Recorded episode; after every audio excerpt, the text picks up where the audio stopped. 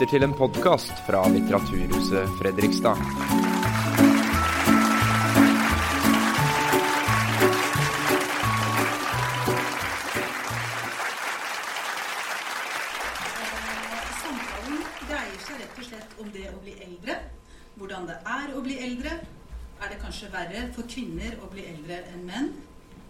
Er det slik at kvinner blir sure og gamle, mens menn er eldre, hyggelige og ærverdige? Eh, de kvinnene vi har samlet i dag, er foruten å ha skrevet eh, om det, aktive eh, og har aktive stemmer som forfattere og gjennom yrkeslivet sitt. Astrid Nøkleby Heiberg, som er den fjerde personen som er med, i tillegg til Ingeborg Moreus Hansen og Gunhild Korvin og Tordis Ørjasæter, jobber i dag som statssekretær i Helse- og omsorgsdepartementet og har gjort det eh, siden regjeringen ble dannet. Og for å intervjue fire kvikke eldre kvinner, så trengte vi en kvikk ung mann. Eh, og da vi tenkte på Mimmi Kristiansson, så var det et naturlig og godt valg. Og vi er veldig glad han sa ja til å være her og snakke med kvinnene. Mimir er eh, redaktør, nyhetsredaktør i Klassekampen og har tidligere ledet Manifest. Eh, vi ønsker dere velkommen til en samtale som vil dreie seg om det å ha flere år med seg etter hvert. Det blir rom for å stille spørsmål for de av dere som ønsker det. Og det vil bli salg av bøkene når arrangementet er ferdig ute i foajeen. Eh, vi kommer til å holde på til senest ti på halv ni. Vi har et viktig tog ti over halv ni som noen skal nå. Men, eh, men det blir allikevel godt rom for å stille spørsmål. Bare gi oss et vink, så får du en stemme. Men ta godt imot kveldens deltakere i samtalen. Mimmi Kristiansson, Tordi Sørjasæter, Gunhild Korvin, Ingeborg Moreus Hansen og Astrid Nøkleby Heiberg.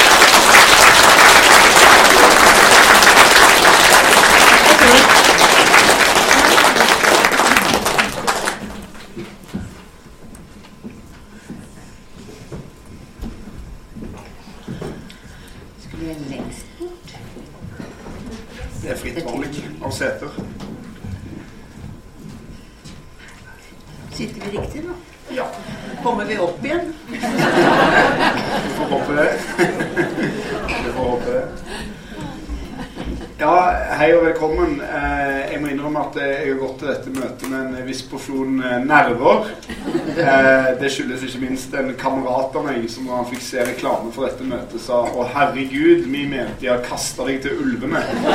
Eh, Men vi får håpe at eh, det går bra, og at dere er snille med meg, alle sammen. Eh, jeg tenkte å begynne med et spørsmål som jeg har lurt på. Jeg spør som dere skjønner litt i den dummes sted her. fordi at jeg var i, i forrige uke i en venn av meg sin 30-årsdag. Og hun hadde da en livskrise fordi hun følte seg så gammel. Eh, hun var blitt 30. Eh, og dere som har skrevet bøker og snakket mye om dette å være gammel eh, Det første spørsmålet er et sånn eh, definisjonsspørsmål. Når er det man blir gammel? Når er det man forstår at man eh, er blitt gammel? Ja, det Alder er, er ikke tall, det er kropp. Det blir så mye kropp. Og eh, det er når denne kroppen begynner å si fra f.eks. Eh, at vi ikke lenger kan gå på syltynne, høye hæler. Da begynner du å kjenne at du blir gammel. Eller at du ikke kommer opp av badekaret lenger uten å, å få hjelp. Jeg kan noen knep der. Men, men i, dette, går, dette går jo for seg etter hvert, og du noterer deg Det er kroppen som sier at nå er det noe som skjer. Sinnet derimot, det er ungt. Ja, noen av andre som Gunnar? Ja, altså Det kom jo ikke sånn veldig veldig brått. Man kunne jo ikke plutselig opp en morgen og si Der ble jeg gammel, gitt. Men jeg tror jeg oppdaget at jeg var gammel i fjor i et kott. Jeg skulle flytte. Jeg skulle, vi skulle pusse opp huset.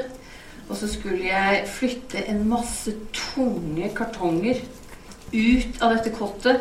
Og Den hadde omtrent en meters høyde, var denne døren. En kjempehøy terskel. Og inn og ut der skulle jeg. Og da tenkte jeg altså Da var jeg omtrent så smidig som et spett. Og da tenkte jeg Nå skjønner du, nå er ungdomstiden over for godt. Det er helt klart. Så ja, i fjor i et godt Det er mange som har spilt eh, Det er mange som er 25 og har spilt fotball i noen år som ikke er noe mer smidig enn det, altså. Så det, det det er helt normalt. kroppen som det. Ja. Er dere enige i det? Kroppen som er mesteren over eh, alderen? Er det på? Ja, den er på. Nei, jeg, for meg er det ikke det. Nei, for meg er alder forlener noe som er Jeg mener, jeg kan jo ta innerskyggen på de aller fleste når det gjelder hvem som har opplevd hva. Eh, Så det er i og for seg et kjempegodt utgangspunkt. Hvis jeg blir imponert over noen, så tenker jeg at han er mye yngre enn meg, så det er ikke noe liksom egentlig. Eh, Jeg tenker det er noe med det lille overtaket man har der. Eh, Det som er litt plagsomt, det eneste som er litt plagsomt, er at andre skjønner ikke hvem det er at andre skjønner ikke hvem jeg snakker er om. nå. Altså, jeg har en egen evne med sånne tekniske dippedutter. Jeg har noe karisma som gjør at du Men altså, når jeg snakker om folk som for meg har vært nære og kjære og sentrale i livet og tilværelsen eh, Hvis jeg snakker om Hjallis, så tror jeg jeg er fotballspiller og sånn. Eh, slik at, at det er noe med at de har ikke samme virkelighet lenger. Når jeg snakker om krigen, så pleier jeg å si at det er annen verdenskrig jeg snakker om. Eh, slik at eh, der er det jeg merker aldersforskjellen. Men jeg syns ikke det er jeg som taper på den. Nei, langt ifra. Ja, langt ifra. Todes. Ja, jeg kan tidfeste når jeg kjente, visste plutselig at jeg var gammel. Jeg kan gå ni år tilbake i tiden. Da var jeg 79 år. Og eh, mannen min døde brått. I, det var i juli 2006. Noen dager etterpå så så jeg meg i speilet, og så så jeg et gammelt menneske.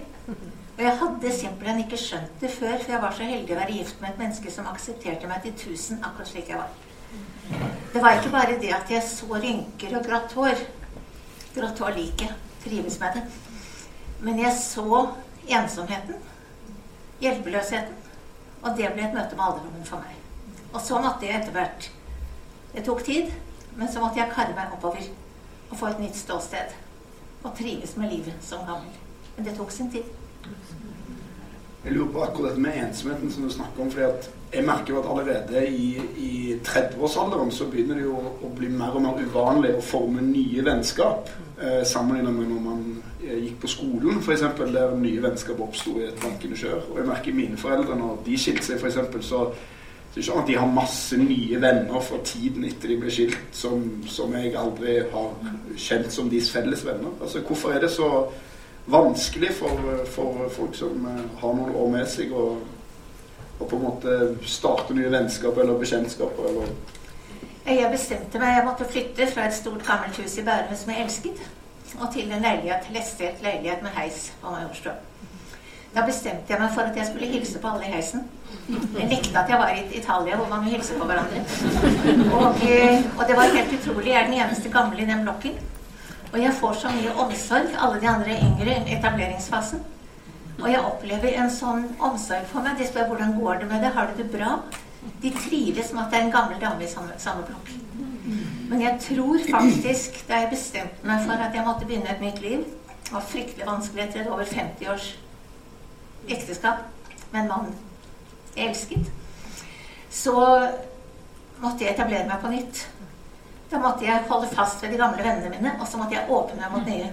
Og det er utrolig hvor mye nye venner jeg har fått i min høye alder. Og det er kjempegodt å oppleve.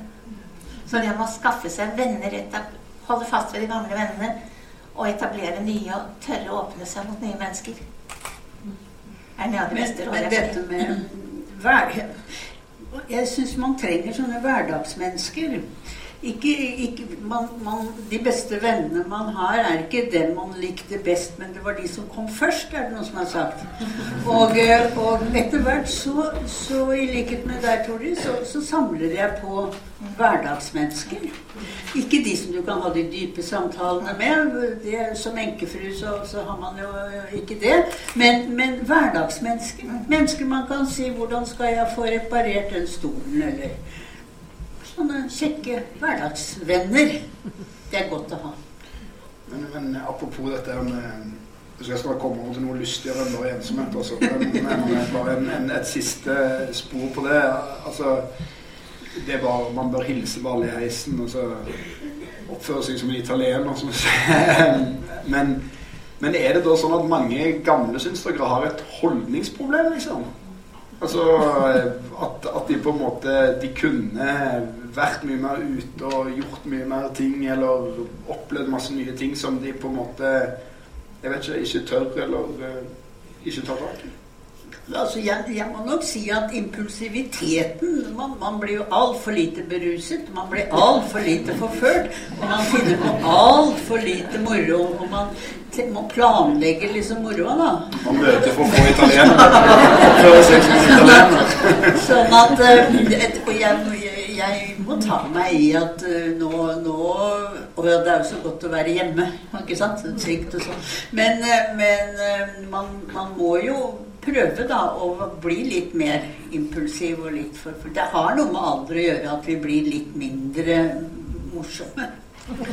men, men, har det ikke også noe med alder å gjøre? Altså, jo eldre jeg blir jeg, jeg, snakket aldri med fremmede mennesker tidligere. Men nå slår jeg veldig gjerne av en prat sånn her og der. Kommer med en eller annen bemerkning i hytt og pinne. Passerer noen. Som regel så, så, så, blir det veldig hyggelig. Altså, det skjer et eller annet, så kan man le litt, eller et eller annet sånt. Altså, det gjorde jeg aldri ville, Det, det var flaut. En venn av meg eh, sa nå nylig at, uh, at transportmiljøet har lagt merke til at gamle mennesker ofte er de mest uhøflige. Og så tenkte jeg litt over det, for det er jo alltid motsatt anklagene. Men det er jo vel bare det at man ikke er så redd lenger eh, for andre mennesker. Altså, som du sier, da kan snakke med en fremmed eller noe sånt. Det vil jo jeg på grensen oppfatte som uhøflig. Om jeg skulle begynt å snakke med noen liksom, på toget ned. Men, men ja. Det, det, er sånne scener hvor ens nærmeste barn og barnebarn syns at å nei, nå begynner hun igjen. Jeg kan ikke skjønne at dette er noe med uhøflighet å gjøre. Jeg, jeg kan si at Når vi står der og venter på trikken, og det gjør man jo ofte Ikke sant? Ja. Egentlig, Det tar tid før de kommer, og de kommer i puljer og sånn. Eh, og det å da kommentere det og snakke om det, det er en trivelig måte å, ja, å la tiden gå på. Jeg, jeg tror en av de feil som en del av oss gjør, at de er mer opptatt av å snakke enn å lytte og høre til. Det kan nok være. Uh, og det er også fordi vi hører så dårlig. At det å få seg alt sammen og la uh, damer snakke med lav, utydelig stemme og hviske frem et eller annet, så hender det at man uh, ikke helt har sjanse til å følge med. da. Jeg skal få høreapparat uh, om 14 dager. Det gleder jeg meg til. Da skal jeg delta helt altfor godt. Masse vi ikke skal høre, Astrid. Jeg skal høre hva som skjer på morgenmøtet. Så kan du ta deg av igjen. ja. jeg syns jeg opplever veldig sterkt med Nå bor jeg i en ny boligblokk og er den eneste gamle. Med det at jeg tok initiativ til å bli kjent med mennesker, så opplever jeg veldig morsomme ting fra svært unge mennesker. Alle vet at jeg legger meg sent om kvelden. Og kvart over tolv ringte det på døren. Det var min nabo med en skjønn ny kjæreste. Kjempesønn. Og så sa han at du Reidar greier ikke å knytte slips. Vi vet at du legger det sent. Kan du hjelpe ham? og så sa jeg som sant er vet du at jeg gjorde mannen min selv, så jeg kan ikke, dessverre. Men så sa jeg du, deilig så søt du er. Og hun var altså hva i min generasjon ville kalt dristig. Det eksisterer jo ikke lenger. Og hun var altså utrolig søt. Så kort alle steder. Og så, sa hun syns jeg kan gå sånn? jeg se, du er så ung og pen og søt. Og så ringte hun på dagen etter. Vet du hva? Se og Hør fotograferte meg. Så jeg, jeg, har fått et ganske morsomt og hyggelig liv. Jeg å bli kjent med nye, veldig unge mennesker. Og det gjør utrolig godt, altså. Vi skal, jeg tenkte vi skulle baksnakke de unge litt. Um, Tore Renberg uh, har skrevet i en av sine bøker om, om vårt samfunns um, uh, besettelse med ungdom. At det er veldig ofte Man kan lese i en avis ofte at noen er de yngste til å ha oppnådd noe. Som om det på en måte i seg sjøl uh, til enhver tid det er målet. da, Å alltid være så ung som mulig når du gjør ting. Og man har òg for de av dere som følger NRK, som jeg regner med at de fleste som er i salen her gjør, så vil man jo se at de benytter jo alle sine krefter f.eks. når de lager valgsendinger inn mot disse førstegangsvelgerne. Og tilsvarende Dagbladet har kåra det mektigste i norsk kulturliv, som ifølge Dagbladet er 22-åringen. Um, og altså, hva er det det skyldes, eh, tror dere, denne her? Og er det, er det bra, eller er det, er det skadelig, denne her evige jakten på ungdom som det virker som er veldig utbredt i samfunnet? Altså Som eh, politiker så jakter vi jo på de gamle, for de er flest. Ja. Ja, ja, ja. Så ungdommen er ikke vi så opptatt av egentlig. Vi er opptatt av de gamle. Det er Særlig en tredjepart av Norges befolkning er over 60, så det er der vi har mulighetene. Men det er jo bare bare invitere. Men likevel så blir det jo nesten eh, Det ble jo et slags lite om ikke ramaskrik, så i hvert fall et slags um, mild oppstandelse når du ble statssekretær i, i din alder, liksom. Som Jeg ville kalle det positiv oppmerksomhet. Positiv oppmerksomhet. Nei, det ble med- Nei, nei. Det var, det var, ikke meningen å si at det var negativt, men i hvert fall at det var veldig uvant på en måte at man syntes det var veldig rart. Liksom. ikke skjedd før, så det var uvant, ja. Ja. ja. Men er det underlig at, at eh, folk i din alder ikke er mer, eh, har mer framtredende verv i politikken? Ja, og det er jo en av de tingene som vi syns er bekymringsfullt. At det er disse ungdommene mellom 40 og 50 som styrer landet folk. Eh, mens de som har mest erfaring, de er ikke med lenger. Det er noe av det vi prøver å gjøre noe med. Det er en av de tingene jeg får lov til å holde på med. Det til hverdags. Det er veldig artig. Men jeg, jeg er opptatt av at det var jo Jakob Jervel som ga meg stafettpinnen. fordi i hans siste intervju i fjernsyn så sa han at vi må skape en ny alderdomskultur. Fordi alderdommen Vi har altså en barnekultur. Og vi har nå, som vi nå snakker om, en veldig ungdomskultur. Vi burde kanskje også ha en voksenkultur, skjønt det kan man lure på. Men, eh, men for, for meg er det viktig, og det er det jeg skriver og mener og holder på med, det er at vi må skape en langt mer positiv innstilling til alderdommen. For alderdommen fra 60 til 90 er kanskje den mest, den mest harmoniske, den beste fase i livet for veldig mange. Men den er jo så elendighet beskrevet. Vi bare trenger sykehjemsplasser og rullestoler og greier. Vi er jo så flotte. Vi lever lenger, vi er sterkere, vi er klokere, vi er friskere enn noensinne. Sånn at vi må ha en helt annen beskrivelse av denne ungdom, av alderdomskulturen. Og så er det jo at Derfor er vi også nødt til å være mer inne i fellesrommet sammen med de unge. Når det da er så mange ungdommer, så er det vår skyld at vi ikke er der. Vi burde være der med alle våre uh, ideer og tanker og refleksjoner. Ikke fordi vi har så greie på det, men for hvis vi er sammen med de unge, så blir de unge mye bedre. Og vi som eldre blir så mye bedre hvis vi er sammen med de unge. Og dessuten har det noe med sivilisasjon å gjøre at et sivilisert samfunn skal ha langt flere av den eldre til stede i alle mulige fellesrom. Så klager vi på dette, så er det vår skyld. Vi må holde oss oppdatert. Vi må være der. Vi må følge med. Vi må være adekvate. Vi må være interessante. Og det er vi jo. Jo lenger vi lever, jo mer interessante er vi. Men det må vi jo selge. Vi må jo kommunisere med det, og ikke sitte der og snakke om konglen med fire fyrstikker som om det er en lekesak. Det er vår skyld at det er så mye av denne sterke I alle debatter i fjernsynet når de skal debattere morsrollen hvor mange mødre blir invitert til å diskutere morsrollen som er over 38 år? Vi er jo mødre til vi går i graven. Hvorfor blir ikke vi invitert til å diskutere morsrollen? Det er vår skyld. Ja, Men er det vår skyld? Ja. Vi blir, vi blir invitert hvis vi er adekvate. Hvis vi kan kommunisere. Og ikke bare sitte og mimre om at mødre var bedre før. Nei, men, nei, men allikevel er jeg ikke sikker på jeg har, ikke, jeg har en følelse av at vi ikke er helt sexy nok lenger.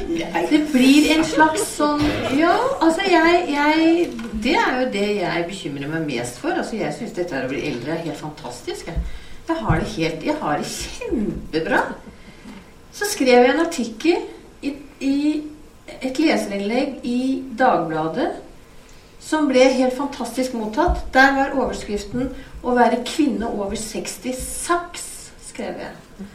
Og det ble altså kjempe... Og det var så flott, syns de. Det var kjempefint. Men saken er at hvis jeg da hadde kalt eh, å være kvinne over 60 er supert, så blir det helt stille. Vil liksom ikke høre akkurat det der. Skal være litt sånn skal være litt jævelskap her, eller et eller annet sånt. Og da tenker jeg Ja, jeg vil gjerne være med å diskutere morsliv. Jeg er også mor, ikke sant? Og det er, det er eh, Men det er en eller annen grunn. Det er jo det jeg aller mest vil. Jeg vil være med der hvor det skjer noe. Men der hvor det er noe. Men jeg føler at jeg må rope. Nei, nei du, må finne, du må finne kanalen. Du må være på den frekvensen. Du må søke de rommene hvor du passer inn. Og da må man være, da må man være i alle fellesrommene. Man må følge med på alle kanaler og alt som er. Ja, der vil jeg gi en hyllest til Ingeborg, som har satset så mye på dette her at vi må være med på nettet. Ja, ja. At vi blir så ensomme. Jeg kjenner jeg er 88 år, og jeg vet, jo mange av mine jevnaldrende som da ikke er på nettet, veldig mange. Og så må man ringe til en datter eller en sønn for å få vite telefonnummeret når man skal ringe noen steder. Det høres veldig kjent ut. viktigste, ja, det viktigste rådet jeg kan gi, er at lær deg nettet uansett hvor hjelpeløs man føler seg en stund.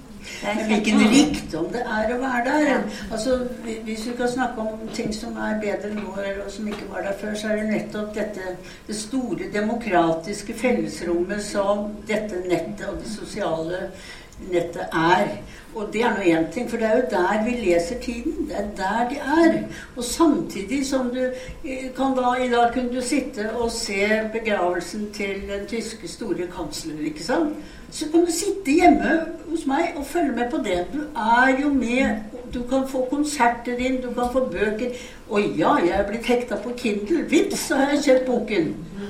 Det er jo fabelaktig. Så er det jo et veldig godt sladreverktøy, dette Facebook, hvis Ja. man er glad i det. Ja, men altså, dette Facebook blir jo ikke noe bedre hvis vi ikke er med. Nei, ikke sant? Men, men det som er et, et, faktisk et ganske nytt fenomen i vår tid, det er hvor mye viktigere besteforeldre er blitt. Eh, fordi jeg har ganske mange venner på min alder, sånn ca. 80, eh, som er avgjørende for at småbarnsfamiliene eller ungdomsfamiliene greier seg. Og ungdommene snakker jo med oss gamle på en helt annen måte. De, de færreste på min alder hadde oppegående besteforeldre, eh, annet enn de som satt i gyngestolen og gynget av og til frem og tilbake. Ellers ikke. De fleste var jo døde. Eh, Men, mens dagens besteforeldre er veldig, veldig viktige personer i samfunnet. Ikke minst når det gjelder å, å holde familien i gang. Altså. Og vi får en fortrolighet med, med våre barnebarn som eh, er unikt faktisk i norgeshistorien. Men også dette med at vi kan møte dem på den plattformen, på den arenaen. Vi kan se, hvor mange er det som har sett den storartede nye filmen som går som hakka? Jeg, jeg har jo fått for mye film, så jeg skal ikke se den. Men, men jeg har snakket med flere helt eldre fedre som hadde gått og sett denne Hva heter den for noe? Den, den der um, science, science fiction-filmen som går nå.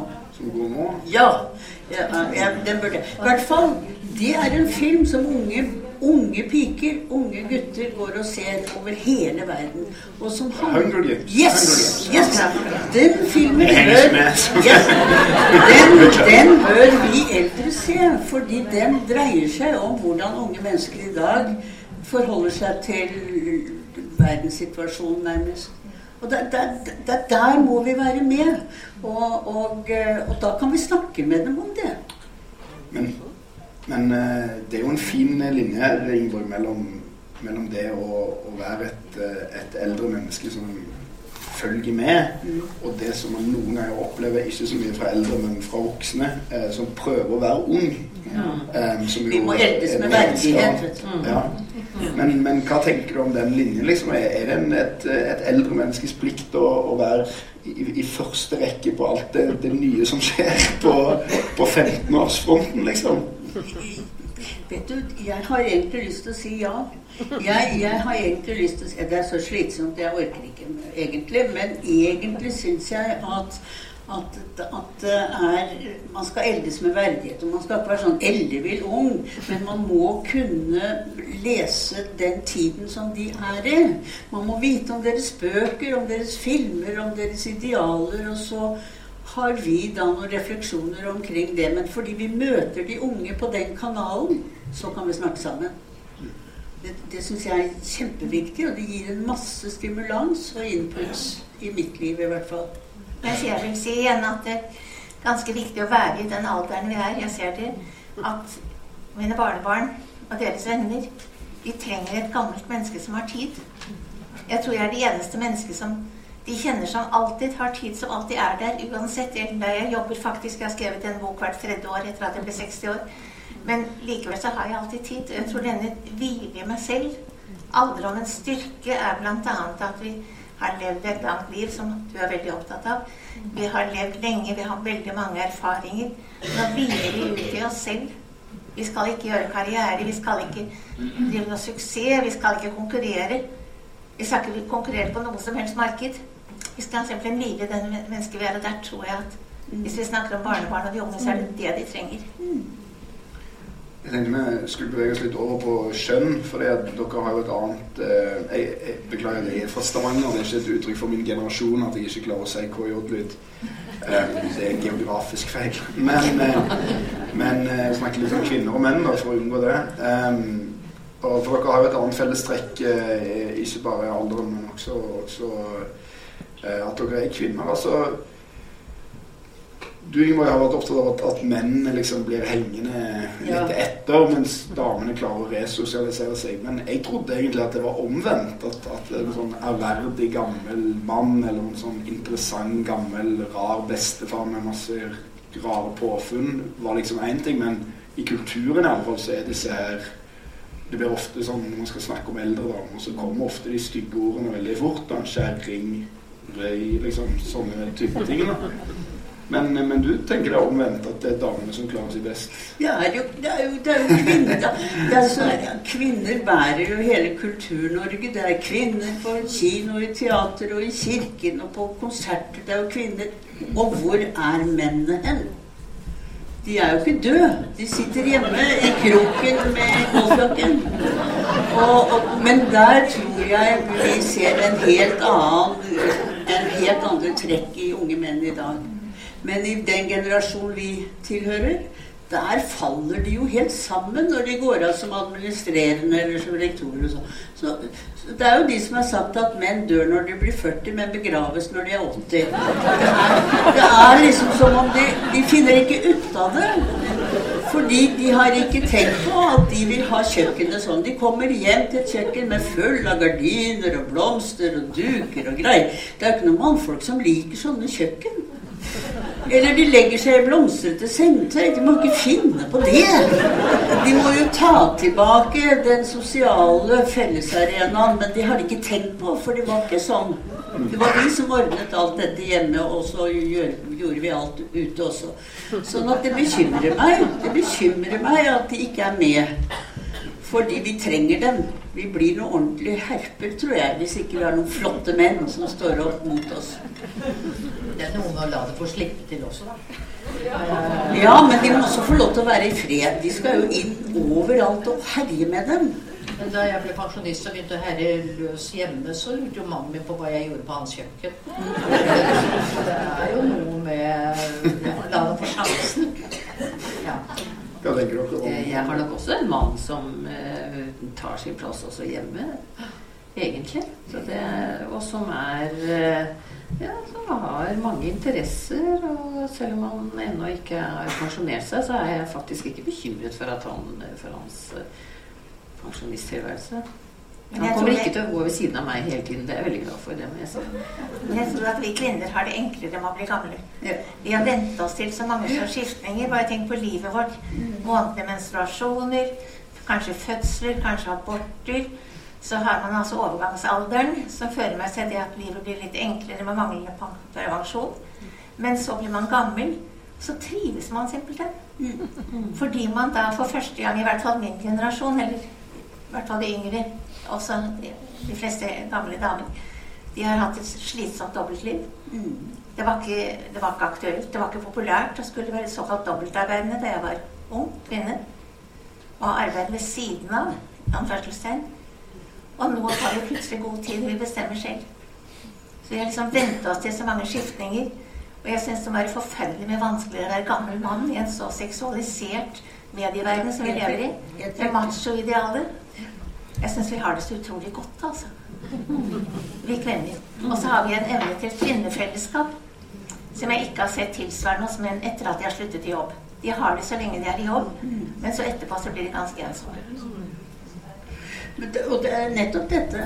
Og så danner de da sine fellesskap. Jeg kan nevne i Fleng Rotary. Jeg har stått på mange talerstoler og sagt at kjære gutter, ikke ta kvinnene inn i Rotary. Dere må ta denne, denne denne arenaen for dere selv. De må danne sine egne sosiale koder og ordne opp. Men så kommer kvinnene inn og blir presidenter og sekretærer og ordner opp i hele Rotary. Og det, det, er kvinner overalt. De må jo få være i fred for oss også, sånn at de kan utvikle det fellesskapet som vi er så flinke på. Men, men dere, altså, dere er jo inne på det, men men det er jo tydelig at, at, veldig mange menn som er eldre, har kutta ekstremt mye av livet sitt til jobben sin. Og at, at bortfallet av den er helt uh, psykisk katastrofalt eh, for mange. Um, jeg skulle spørre deg et litt åpent spørsmål. Man spør ofte om det var Eller dere i deres alder sier ofte at ting var bedre før. Um, men mitt spørsmål er var det bedre før? Og egentlig mer direkte kan dere si kanskje hva som var mest annerledes som dere mener at verden har forandra seg gjennom deres eh, lange liv mest annerledes fram til nå? Skjermer. Skjermer. TV, eh, iPad, laptop, hele pakka med tele telefonene. Det syns jeg kanskje er det som har forandret seg mest. For det er jo eh, altså det gjør noe med hele, hele strukturen, egentlig. Hele samfunnet i alle aldersgrupper, syns jeg. Dette altså jeg syns at, altså disse skjermene er helt fantastiske. Helt rått. Men vi må nok lære oss å bruke dem. Uh, jeg blir veldig, veldig irritert da, kaller, da, da, det hender at barna mine sier 'Du er litt gammel kjerring nå, vet du, mamma.' Ja, sier det tåler jeg. Eh, men når, når, telefonene ligger på bordet som sånn en del av oppdekningen og lyser opp altså du, Hvis du snakker med noen og så blinker litt der, så, så greier altså Blikket må bare ned bare for å sjekke, og så eventuelt opp igjen, og så kanskje en liten tur ned igjen.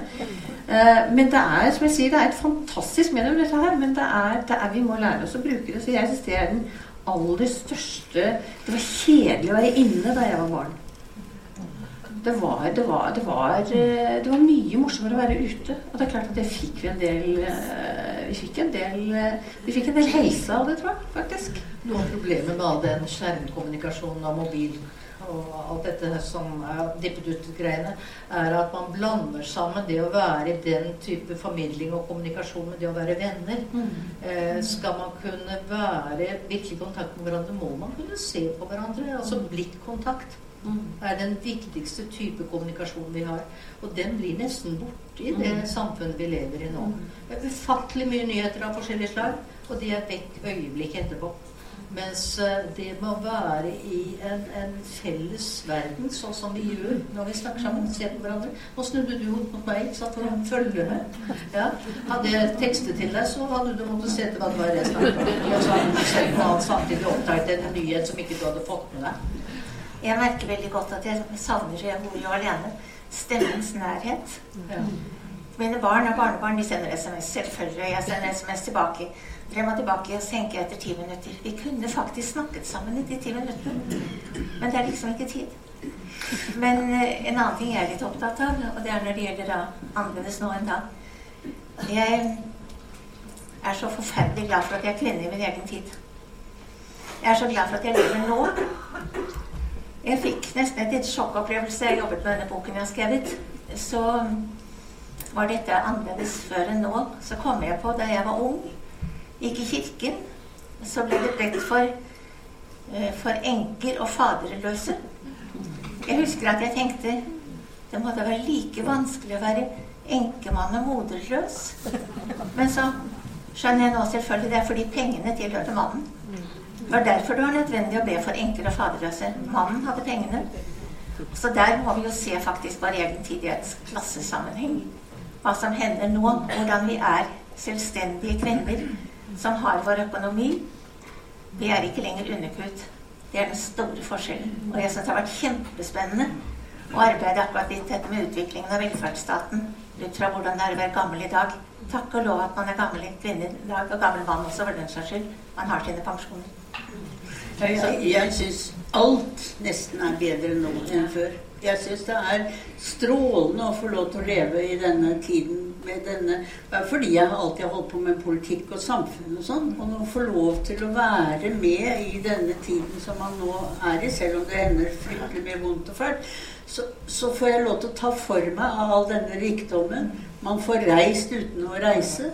Man får lest uten å måtte kjøpe. Man kan nyte masse musikk og teater. Og jeg syns det er så flott. Og jeg syns denne kommunikasjonen Man blir jo veldig bekymret for om barna lærer like mye og sånn som vi gjorde. og skrive håndskrift og alt det greiene der. Så kan vi begynne å sutre og bare blir verre og verre. Men egentlig er det så mye i dette som vi kan ta for oss. Men det som kanskje er litt skummelt, det er at kanskje er de ressurssterke altså Forskjellen her blir litt stor. Fordi de ressurssterke, de greier seg nok, men kanskje blir det flere tapere i alt dette, har jeg tenkt noen ganger. At, at de sterke blir veldig flinke og sterke, og de som faller utenom der, kan kanskje falle flere og dypere. Det kan være Den blir jeg noen gang bekymret for. Jeg sitter jo midt oppi dette med folkehelse og sånn. Og eh, noe av det som jeg syns er egentlig forunderlig, er at eh, det er mye mer psykisk uhelse nå enn det vi har visst om, i hvert fall før. Sannsynligvis har det vel kanskje vært like mye før, men nå kommer det til overflaten. Og jeg tror det også forsterkes en del. Det er nesten litt moderne å skulle være engstelig og nervøs og nedfor og eh, depressiv og uh, alt det som leit Ja, her sitter vi og er for blide og glade. ja, og, og det er noe altså, Vi har begynt å få som et uh, mantra vi i departementet alt som er leit og vondt og vanskelig. Og det har vi liksom en forkortelse på at det alt er leit og vondt og vanskelig. Ja, det er en annen Oi, oi, oi, her har vi enda en lei og vond og vanskelig. Det kommer hele tiden. Slik at det blir stående i en kontrast til alt dette som ellers Ingeborg snakker om. Eh, hvor mye fantastisk vi har. Men, men, i den kontrasten så blir det som er leit og vondt vanskelig, så forferdelig leit og vondt vanskelig. Jeg tenkte vi skulle lese litt fra de to bøkene som har kommet akkurat nå. Jeg vet ikke hvem av dere som vil eh, begynne. Det er sant for meg. Ja. Jeg må snu meg mot dere. Jeg syns jeg liksom har ryggen um, Jeg har et kapittel her som heter 'Hva er det med alder?' Folk er fascinerende opptatt av alder. Hva heter du? er det første spørsmålet vi stiller den lille gutten vi møter. Og deretter hvor gammel er du? Alltid. Og gutten svarer som best han kan, litt sjenert og hviskende i starten kanskje, men stemmeleiet stiger som regel noen hakk når han svarer klart og stolt fire og et halvt. Når slutter vi å si 'og et halvt'? Som små ville vi være større og eldre. Det var viktig å henge på det halve året. 17 og et halvt høres også ofte. Det betyr at man snart er myndig og voksen. Men så forsvinner det halve året igjen og dukker ikke opp før vi er 29 og et halvt. Der blir vi værende. I det uendelige. Selv pensjonister er til tider 29 og et halvt. Men du er da ikke mer enn 29 og et halvt, smiler man salvelsesfullt og oppmuntrende til den vitale 80-åringen. Hver gang jeg hører det, så greier jeg ikke å la være å si inni meg Da holder du deg ikke så godt, syns jeg. Hva skyldes denne fascinasjonen av alder, og hvorfor er den så viktig? Alle som siteres eller intervjues i aviser og tidsskrifter, får alderen sin i parentes etter navnet. Gunhild Korvin, 68. Forandres uttalelsene mine vesentlig av de to sifrene? Jeg lurer på om valøren i det jeg sier, stiger eller synker i takt med alderen i parentesen. Blir uttalelsene mine mer interessante jo eldre jeg blir, eller er det kanskje motsatt? Samtidig som den åpenbart er viktig å vite, ble det tidligere betegnet som uhøflig å spørre noen om alderen. I alle fall kvinners alder. Det henger fremdeles litt igjen. Man spør aldri en dame om hennes alder. Men hvorfor gjør man ikke det? Skal alderen min være hemmelig? Noe å skjule?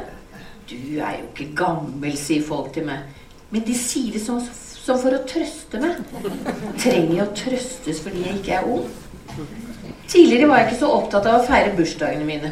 Å invitere en mengde mennesker for å feire meg selv fant jeg nesten litt navlebeskuende. Kom og feir meg. Jeg fikk kjeft av den tidligere frisøren min Knut for å tenke sånn. Man burde feire hvert eneste år, sa han strengt. I takknemlighet for at man har vært så heldig å få leve enda et år. Ikke alle får det. Knut ga meg noe å tenke på, og han har jo rett. Hvert eneste år er en gave. Når man blir riktig gammel, ser det endelig ut som om forholdet snur. Husk, jeg er jo snart 100 år, sa moren min. Lenge før hun fylte 95. Stoltheten hennes var like innbakt i stemmen som hos guttungen på fire og et halvt. Det ser ut som om vi må bli oldinger før vi nok en gang kan være stolte av alderen vår. Og dessuten så får et halvt år antagelig større verdi enn noen gang. Å bli snart 100 oppfattes som en slags bragd. Men burde ikke enhver alder være, om ikke nettopp en bragd, så i det minste en akseptabel tilstand? Hva er det så viktig? Hvor gamle vi er? Og så syns jeg jeg må ta med litt om denne her desserten som vi har fått, disse barnebarna våre. Jeg kan til tider være verdens snilleste, beste, kuleste mormor. Noen av de yngste elsker Momo. Det siste går som regel over når de runder 8-9 års alder. Og kroppen er nok gammel. Det har noen av dem konstatert for lengst. Mommoen min har ganske slapp rygg, skjønner du. Hørte jeg utenfor prøverommet for en stund siden. Det ble stille i butikklokalet. Jeg fornemmer mer enn jeg ser de skjulte smilene på den andre siden av forhenget. Går det greit der inne? lyder den festminkede, magre tenåringsbutikkdamens nokså uinteresserte stemme. Passer genseren, eller skal jeg hente en annen størrelse til deg? Drittunge. Ikke barnebarnet, tenåringen. Jeg har ikke fått den på meg ennå. Jeg sliter litt med å få den over slapp i ryggen min, svarer jeg. Jeg tror ikke hun hører verken latteren eller ironien i bemerkningen min. Ok, bare si fra hvis du trenger noe, er det sukkersøte svaret. Det er lenge siden jeg oppdaget at jeg har fått gjeller på ryggen. Det er ikke genseren som er feil størrelse. Det er huden. Den passer ikke lenger til kroppen min. Den har øyensynlig vokst en størrelse eller to. Klær ser stadig oftere bedre ut på hengeren i butikken enn på meg. Tidligere var huden min en perfekt match for mitt størrelse 38 skjelett. Nå er det andre boller og andre tider og en slappere og mykere fysiognomi. Mommoen min har så myk hud på armene, sier femåringen. Utsagnet er fullt av mye kjærlighet. Gjør sånn at det slenger, Mommo. Og jeg rister lydig armene så grevinnehenget får skikkelig schwung. Til stor henrykkelse for pure unge mennesker. Han blir gående ved siden av meg og stryke den myke delen av underarmen min. Den delen som en gang var faste, harde og glatte muskler. Godt å ta på, ikke sant, sier jeg. Mm. Er det fornøyde, nytende svaret. Jeg tror han kunne vært villig til å bytte ut kosen sin med Mommos grevinneheng. Han nyter å stryke meg over den gradvis slappere huden på armene. Ungen syns armene mine er mye bedre å ta på enn mammaens. Det gjør søsteren hans også. Sara kaller huden min fluffy. Det er bare å glede seg. Kroppen min blir mer og mer brukbar etter hvert som fesjåfaktoren synker. Skjønne drittunger.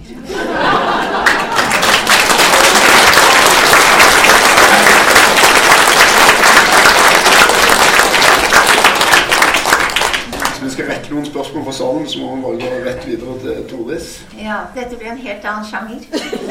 Det er eh, et kapittel som heter 'Midt i livet enda en tid', fra min bok som da heter 'I hodet på en gammel dame'. Og det handler simpelthen om den vanskelige balansen mellom å resignere når vi er nødt til det, og så leve midt i livet. Når vi skriver så forskjellige bøker, du og jeg, så er det altså kanskje at vi er i ulike livsfaser. Vi snakker om den tidlige alderen, sene alderen, yngre eldre alder. Jeg hører definitivt til de eldre. Eller som jeg insisterer på, i likhet med deg, at jeg er gammel. Jeg er eldre, jeg er gammel. Kapittelet heter 'Midt i livet ennå en tid'. Jeg sitter i Assisi, i et kloster med vinduet åpent mot Assisi-dalen nedenfor, og skriver. Midt imot har jeg Santa Chiara-kirken, hvor klokkene kimer flere ganger om dagen. Frokosten blir servert i et rom fra 1200-tallet. I hagen er en lund av oliventrær. Utenfor porten står en skulptur av den hellige Frans som danser med sin bror Solen. Til sist hilser Frans av Assisi også sin søster død velkommen. Med bare ben i sandalene sitter jeg her. Hjemme i Norge er det blitt høst. Jeg har det så godt at det gjør nesten vondt. I Assisi, i Umbria, i Italia, i dette landet jeg har tilbrakt så mange lykkelige uker og måneder i min aktive pensjonisttid. Nå må jeg erkjenne at kanskje kom jeg ikke hit mer. Flyreiser er blitt slitsomme. Flyplasser og køene er vanskelig å forholde seg til, selv om både Gardermoen og Fiumicino, flyplassen for Roma, snilt stiller med rullestol. Angsten er der for sykdom underveis. Kroppen svikter. Det gjør vondt i venstre hofte når jeg går oppover bakkene, og i høyre kne når jeg går nedover. Best er det å gå på flat mark, men slikt finnes det lite av i Assisi og Umbria. Jeg tenker på venner jeg snakket med uken før jeg reiste. Jeg har blitt deprimert, sa min snart 90-årige venn. Han hadde tilbrakt sommeren på sin vakre hytte, men uten de vanlige krefter til å reparere og male, for ikke å snakke om å fiske og alt slikt som hadde vært blant livets selvfølgelige gleder. Tilbake til byen igjen var det begravelser som ventet ham. En nær venn var død, og en jevnaldrende slektning. Jeg har blitt deprimert, sa også en venninne nylig fylt 90 før jeg reiste. Og den setningen satt langt inne hos denne aktive kvinnen som livet igjennom hadde satt sin ære i å gå langt innover i Nordmarka. Jeg har fått vonde knær, og jeg orker ikke lenger å gå turer og nå har jeg snart ingen venner igjen. De fleste er døde, la hun til. Det er så trist, jeg kan ikke lenger stå på føttene mine som en slektning som har elsket å gå i fjellet og ikke lenger kunne gå de få skrittene fra sengen til rullestolen. En annen slektning vekket meg midt på natten med en telefon. Hun ringte på nytt tidlig om morgenen, for tidssansen var svekket og korttidshukommelsen sviktet. Hun sov stadig mer av døgnet. Jeg tror kanskje hun ønsket å sove seg inn i døden. Så enkelt er det ikke. Kroppen kjemper for livet til det siste. Vi har alle vår spesielle lykke i livet. For meg har reiser til fremmede land og kulturer vært en grenseløs glede. Aller mest har jeg reist til Italia. Landet som har gitt meg så mye. Roma først og Assisi siden. Vennligheten, varmen, vinen, maten, solen, de åpne kirkene hvor jeg kunne tenne lys for dem jeg var glad i Klangen i språket, møtet med mennesker. Tilsvarende blir kravene til resignasjon. Det kjennes trist å skulle være alt dette foruten. Så tenker jeg på venner hjemme som ikke lenger kan bevege seg utenfor sykehjemmet, eller som på ulike måter er midt inne i resignasjonens vanskelige kunst. Ja, for den er vanskelig, og det er en kunst. Aller vanskeligst er balansegangen mellom å resignere og likevel ikke gi opp skal vi aldri engang forlate alt vi har elsket så høyt, og til og med denne jorden vi lever på, uten å vite hva som i fremtiden skal skje med kloden vår. Det er umulig å forstå at alt dette skal fortsette uten at jeg er med. Så kom jeg hjem igjen til Norge i de varmeste og vakreste høstfarger. Til gode venner. Og vi er glade for å ha hverandre. Fortsatt lever jeg, kanskje i mange år til. Livet har sin egen verdi. Å skrive er stadig min glede. Denne gangen om livet slik det leves, og om tankene som myldrer i hodet på en gammel dame. Gratulerer.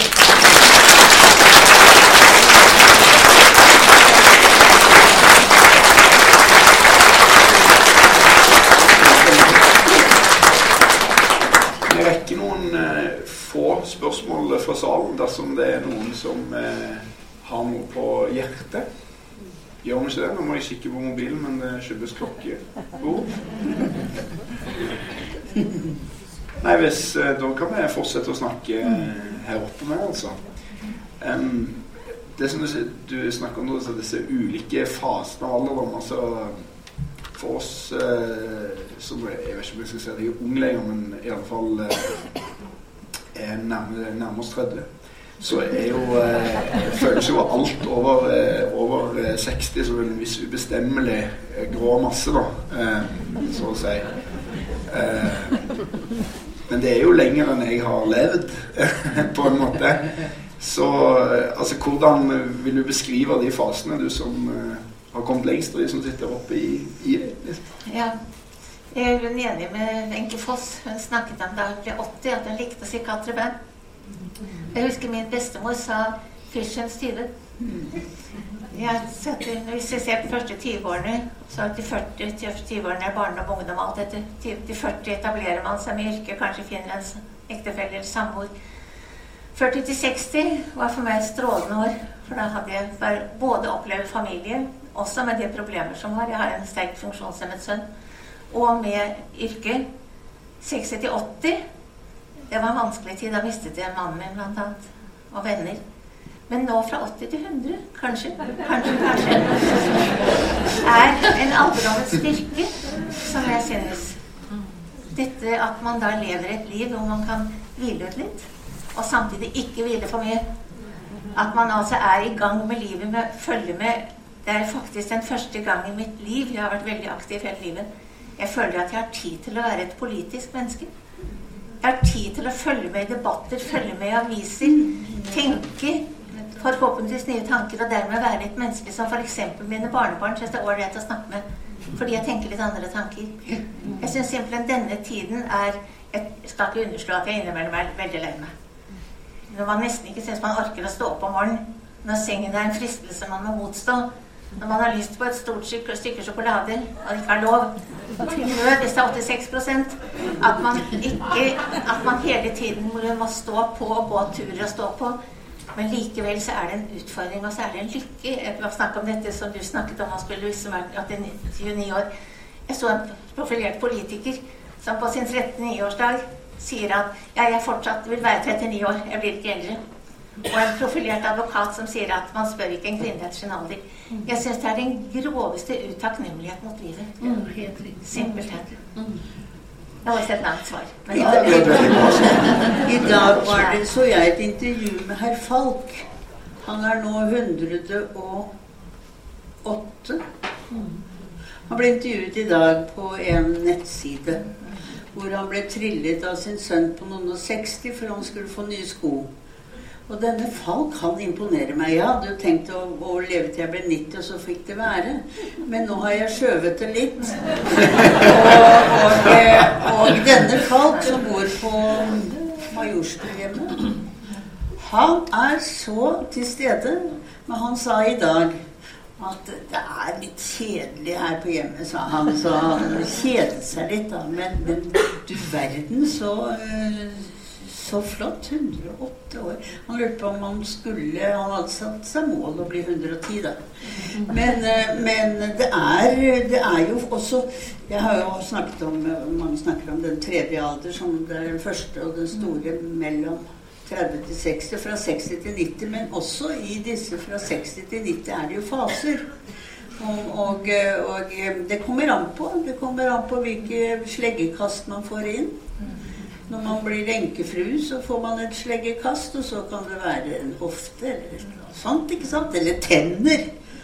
Oi, oi, tenner er alvorlige greier. Men, men, ikke sant, det er jo, som jeg var inne på innledningsvis, det er kroppen som liksom lager disse fordi at, at man får sine sorger og får sine tap og får sine så, det er liksom som man skal ta det. Men hvis da kroppen kommer inn med noe veldige greier, så blir det jo Det blir mye alder da, altså. Du snakket om dette Gunnar, som Ivar var inne på nå. Hvorfor er folk så redd for å bli gamle? Altså, det, så, det er jo en voldsom frykt forbundet ja, Og det er, derfor, det er derfor alle som har ork Et av mine forbilder Det kommer ikke som noen overraskelse, i hvert fall, i hvert fall ikke på Astrid. Det er jo Kåre, Kåre Willoch, som altså er ti år eldre enn meg. Og så skriver den ene boken og tenker de klareste tanker. Og han står opp hver dag og tenker hva kan jeg gjøre for samfunnet i dag? Han har man aldri hørt, tror jeg, Astrid, snakke om, om pleiehjem og, og eldresaken. Han snakker om hvordan de unge skal få hjelp til å etablere sine hjem. Han står opp hver dag han, for å gjøre noe bedre for de unge og for det samfunnet er en del av. Og, og jo flere sånne forbilder vi har, jo bedre blir det å bli gammel. Det er storartet. En av de tingene som man kanskje også kunne gjøre eh, Jeg snakker med mange folk som er sånn 2-63, for det er, det er liksom gruppen min som jeg skal prøve å få til å stå lenger i jobb. Eh, og de gleder seg så veldig til å bli pensjonister. Da skal de være på hytta, og de skal ha det så koselig. Og de skal ha veldig god tid til barnebarna. Så viser det seg at når man ser etter, så er det et par år, og så begynner de å dra på hytta fredag kveld, og så drar de tilbake søndag kveld. For det er det man skal gjøre. Det er da man har vært på hytta. Og, og, og så blir det ganske mye tid som du er inne på mens man er på venteværelset til doktoren. Hvis man kunne være litt mer opptatt av tanken på at man skal leve nesten en tredjepart av livet som pensjonist, hva kan man bruke det til da? Hvilke muligheter Man bør være på jobb. Det er helt ufattelig hvilke muligheter som finnes, som man ikke får seg på. Og der er det jo noe med frivillighetsarbeid. Jeg har jo ikke sant? som virkelig er kjempeimponert over hva de gjør. Norge stanser uten frivilligheten. Ja, de gjør det. Men uten besteforeldre og uten frivillighet Vår Herre kan ikke greie alt, derfor skapte han bestemødre. Men vi trenger jo, vi trenger jo en del motvekt mot alt dette traurige som vi leser om, som du sier, om pleiehjem, og hvor forferdelig og antialdringsgreier og hele den pakka. Vi skal jo liksom ikke være gamle, og så skal vi enten så skal vi være unge Det er ikke lett å være ung, men det er søren ikke lettere å, bli, å være ung når man passerer pensjonsalder. For da skal vi fremdeles ikke være unge, eller i det minste ungdommelige. Og så skal vi ha et ungt sinn. Det er et eller annet her som liksom altså, Gammel er i ferd med å bli en slags skjellsord, føler jeg. Tvert imot. Det. Nei, jeg syns at det er at det hele tiden så kommer vi inn det, det er derfor jeg skriver denne, skrev denne boken min, fordi jeg er gammel nok. Fordi at jeg er drittlei av at du- er jo ikke gammel, sier de. Jo, jeg, er, jeg har alltid sett på folk, pensjonister som egentlig som gamle mennesker. Har jeg sett, I hvert fall til jeg passerte 50. Men det, altså, det betyr at jeg er gammel, for nå er jeg 68. Det er helt ålreit. Jeg har det kjempefint, jeg. Jeg, tror- jeg, tror har det fantastisk. Jeg tror du holder på å snu. Jeg Ja, det tror jeg at mennesker er tror jeg interessert i gamle. Endelig. Og det er veldig godt, og det har det å gjøre med simpelthen hvordan vi oppfører oss, vi som er gamle, og hvis vi syns det er ålreit. Hvordan vi er. Ikke sant? Jeg opplever noe av det samme med jeg har en funksjonshemmet sønn. Jeg har vanskelig for ikke å snakke om han når jeg er i en forsamling. Og opplevde da hvordan livet var da han var liten, og i dag. Han er nå over 60. Og hvordan livet har blitt bedt bedre. I det hele tatt velferdsutviklingen i Norge, den skal vi ikke kimse av. Altså. Men tenk så heldige vi er. Jeg har kjent altfor mange som kunne ville gitt alt for å kunne bli gamle, men som aldri fikk den muligheten. Men det er en tid hvor det er en fordel å være gammel, og det er når det er jul. Er Gammel og god, er det gamle oppskrifter, gamle sanger, gamle At jeg må bruke den tiden. Ja. Ja. Det ja. ja. ja. ja. ja. og da du merker at det er du merker at det er sånne kunnskaper som blir borte. Du, har, du skal stifte nytt hjem, så er det sånn Vi burde vel bake noen sånne sirupsnipper. Og så er det sånn Hvem i alle dager kjenner vi som kan det, liksom? Da er det, da er det mamma. Det eneste. Men husker ikke dere boken til Ebba Hasle? Bare et lite sammenbrudd. Jeg vet ikke hvor mange kvinner her i salen, men hvor mange er det ikke som har vært på nippet til å få dette sammenbruddet fordi vi skulle være så flinke til jul? Da skal vi være harmoniske. Skal vi bake berlinerkransen? Oh. Slitsomt. Gjør ikke du det, da? Nei, jeg slutter sluttet med det. Kjøper du julekake? Nei, jeg vil ikke fortelle. Jeg reiser. En en annen, en annen ting som du var inne på i i det du leste, og som eh, for så vidt du snakket om tidligere, er dette med, med kroppen og forholdet man har til sin egen kropp. Eh, og der er det jo eh, tror jeg man kan være enige om på tvers av generasjoner at, at sånn ungdom i dag har det ikke spesielt eh, sunt i synet på egen kropp og mengden tid de bruker til bekymringer knytta til det. Men hvordan føler dere at det er med aldring knytta til de tingene der, på en måte? Altså, eh, det er jo klart at ja, Oh, ja, ja. personlighet. der.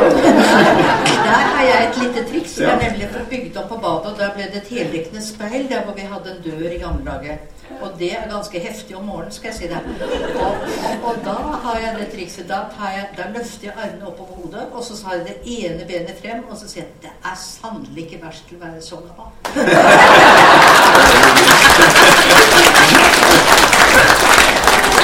Det hørte jeg at du sa en gang. for mange mange år siden. Og det er helt riktig. Strekk armene godt opp. Og det er flotte. Ja, den har jeg ikke kommet på ennå, men den med strekke armene opp, den er veldig Det er effektiv. alltid litt forskjell på beina. Ta det beste fra. Ja, ja, ja, ja, Men det er jo ikke til å komme fra da at ung kropp er vakrere enn gammel kropp. Og når man går der og ser disse skjønne, skjønne unge menneskene så tenker, Det verste med å bli gammel er jo at man husker så godt hvordan det var å være ung. Man husker det jo så godt. Og, man, og denne, det der forfallet der Men så retter man seg opp, og så tenker man på de indre skjønnheten, Tordis. Men men hvem har lært oss at, at, en, at en gammel kropp og rynker ikke er Hold opp, det Nei, jeg mener. Hvem har lært oss det? Tenk hvis det ble omvendt. Jeg har en parallell til Rekk opp hånden. Så lenge, så lenge bladene er unge, så er de grønne og ser akkurat makne ut. Når det blir høsten, og de blir gule og røde og svarte flekker hist og her, men du verden hvor mye mer fargesprang.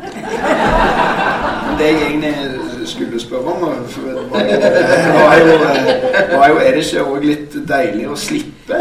Altså alt dette enorme maset når man ser på liksom hvordan unge mennesker bare Det virker jo som om alltid så et intervju med Berit Aas i Dagsavisen på lørdag som, som klagde over dette her dagens unge, unge jenter, hvor utrolig mye tid de må bruke på å se ut. Bare.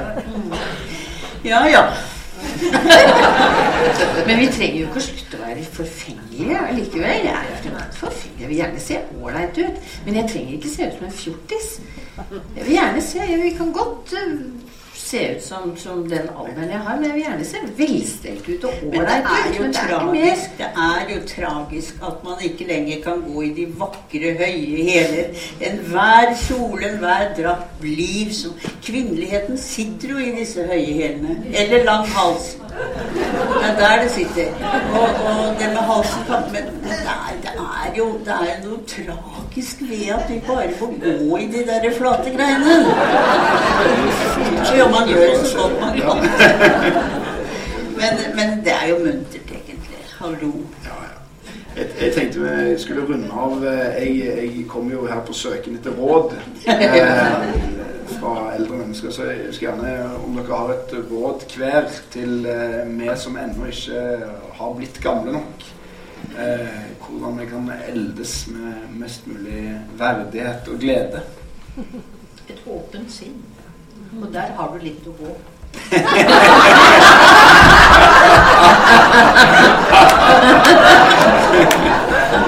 Her har aldri hatt min styrke.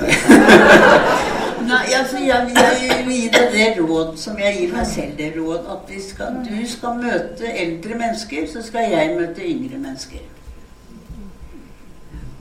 Nei, Altså, ikke råd. Jeg tror ikke jeg har råd til meg selv omtrent engang.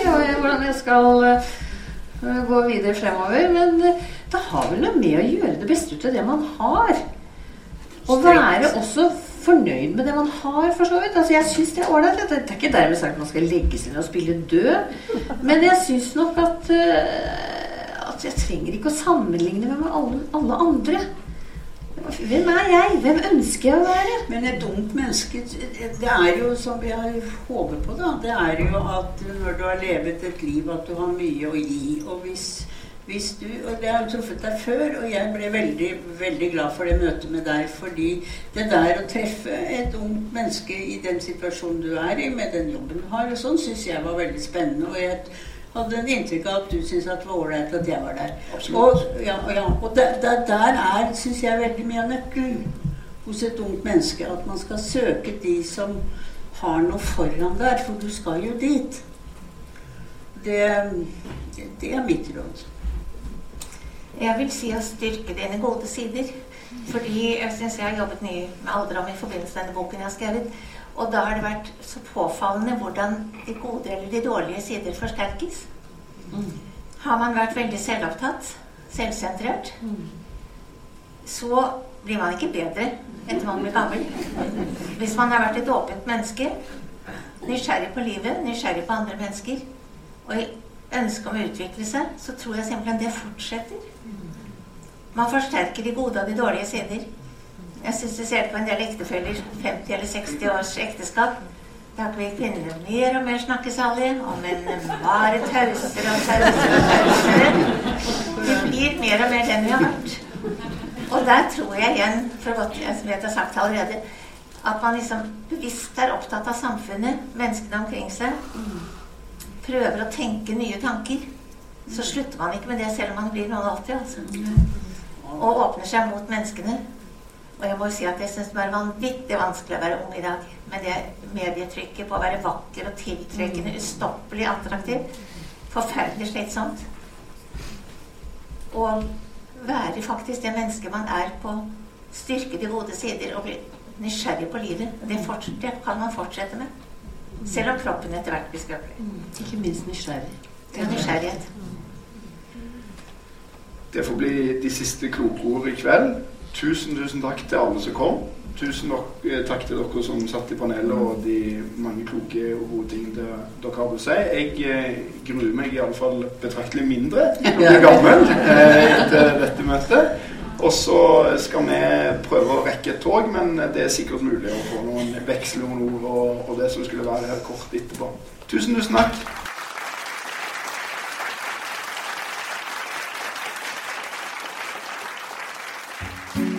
Nå har du hørt en podkast fra Litteraturhuset Fredrikstad.